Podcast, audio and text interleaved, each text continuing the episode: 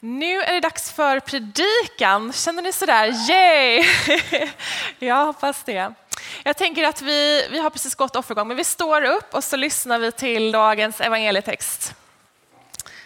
Den läses ju varje årgång när det är just den här söndagen och det är hämtat ifrån Matteus evangeliet. Och det står så här. Då kallade Herodes i hemlighet till sig stjärntydarna och förhörde sig noga om hur länge stjärnan hade varit synlig. Sedan skickade han dem till Betlehem. Bege er dit och ta noga reda på allt om barnet, sa han. Och underrätta mig när ni har hittat honom så att också jag kan komma dit och hylla honom. Efter att ha lyssnat till kungen gav de sig iväg och stjärnan som de hade sett gå upp gick före dem tills den slutligen stannade över den plats där barnet var. När de såg stjärnan fylldes de av stor glädje. De gick in i huset och där fann de barnet och Maria, hans mor, och föll ner och hyllade honom. De öppnade sina kistor och räckte fram gåvor, guld och rökelse och myrra.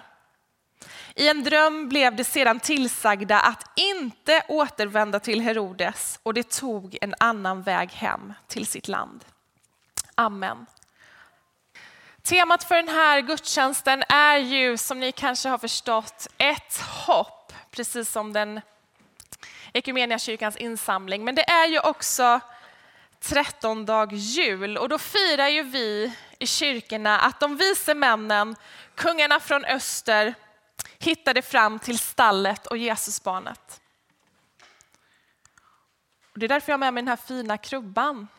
Den är ifrån Indien och det är några barn som har gjort den. Och ni får gärna kika närmare på den. Eller Magda, du kanske faktiskt vill visa barnen. De kan ju få titta på den medan jag har min spännande predikan här. På de vise männen som alltså blir ledd av stjärnan. Ehm, den här dagen har länge varit en missionsdag eftersom att de vise männen anses vara de första icke-judar som erkände Jesus som Gud och därmed blev det ju då ett tecken på att Jesus kom till världen, inte bara för judarna utan för alla folk. Så därför är detta en perfekt dag att ha som missionsdag. Så tänker jag lite på det här med makt och vad man gör med makt. Herodes eh, försöker i vår text att kontrollera människor. Så makt är ju delvis en position.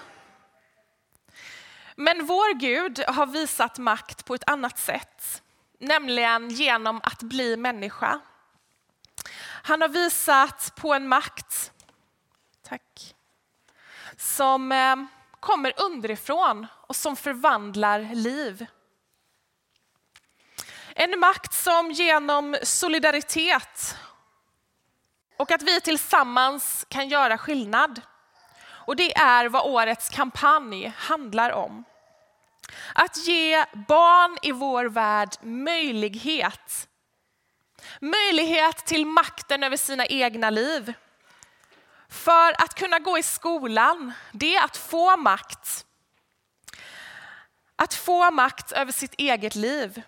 Att kunna läsa, bilda sig och kunna säga ifrån. Och det är det som årets kampanj handlar om, som ni nu har varit med och samlat in pengar till. Men om vi går tillbaka till krubban då. Barnet i krubban, där är han. Ehm, utan honom så skulle vi inte ha en kyrka. Inget julfirande och ingen mission. Vi är berörda.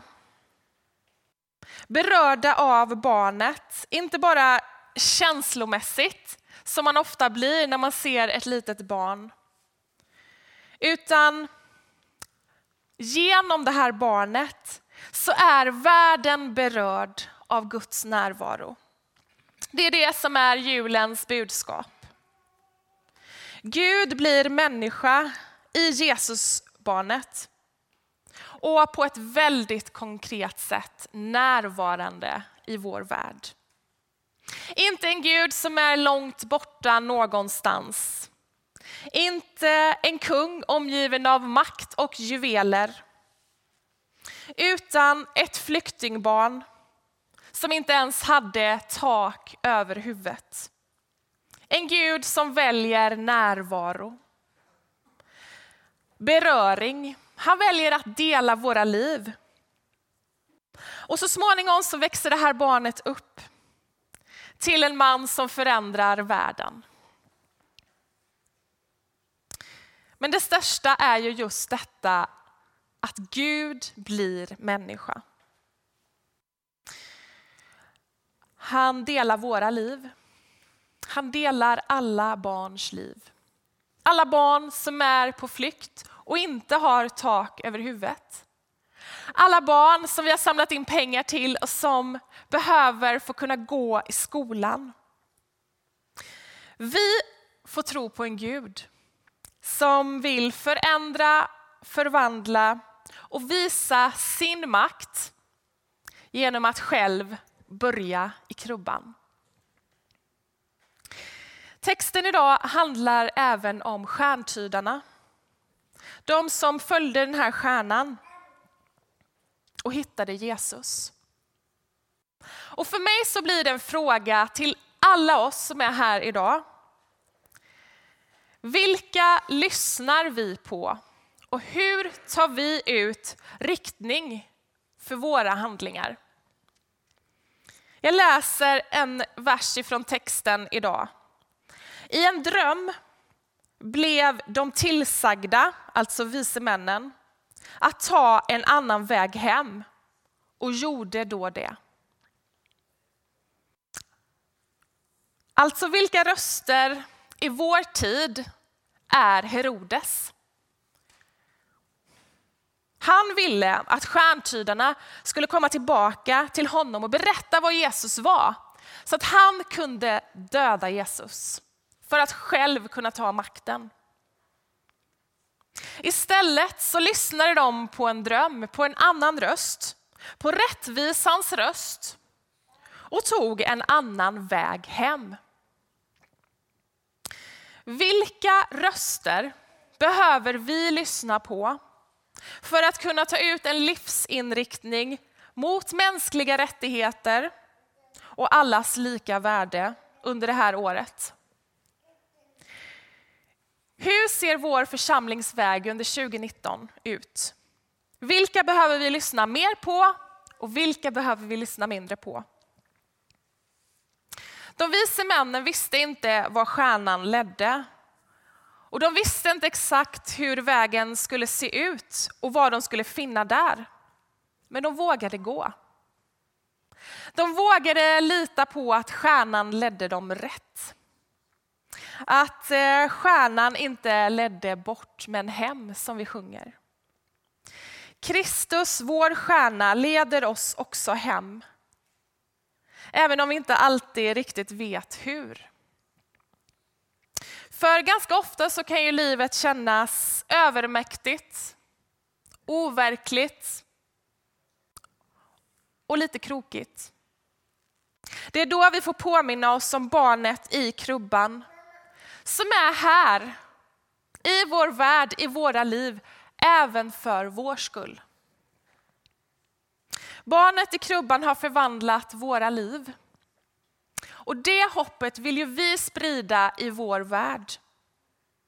Men om vi, du och jag, ska kunna vara med och sprida hopp så måste vi allra först ta emot hoppet i våra egna liv och hjärtan. Ta emot kärleken från barnet i krubban.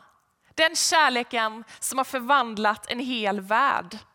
Den måste vi ta emot i våra liv och tro på den. För sen när vi har gjort det så behöver hoppet händer och fötter och ögon. Och vi behöver gestalta hoppet i våra liv och i vår församling. Och idag har vi gjort det tillsammans med alla 690 församlingar i kyrkan. Där vi tillsammans samlar in pengar för att vara med och göra skillnad och sprida hopp. Inte hop, som det står, utan vi får sprida hopp. De vise männen visar på mod när de väljer att gå en annan väg.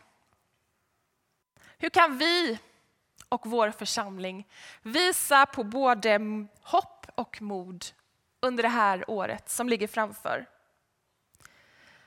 Mission, missio, betyder ju att sända.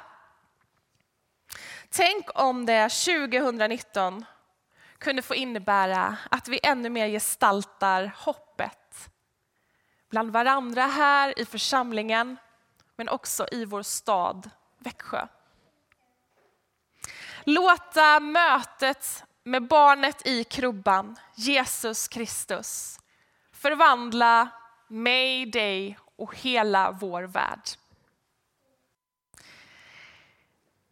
Jag säger det sista en gång till som en bön. Det är ju även vår vision som vi lever med. Men låt det få bli vår bön. Att vi låter mötet med barnet i krubban, Jesus Kristus, under det här året förvandla mig, dig och hela vår värld.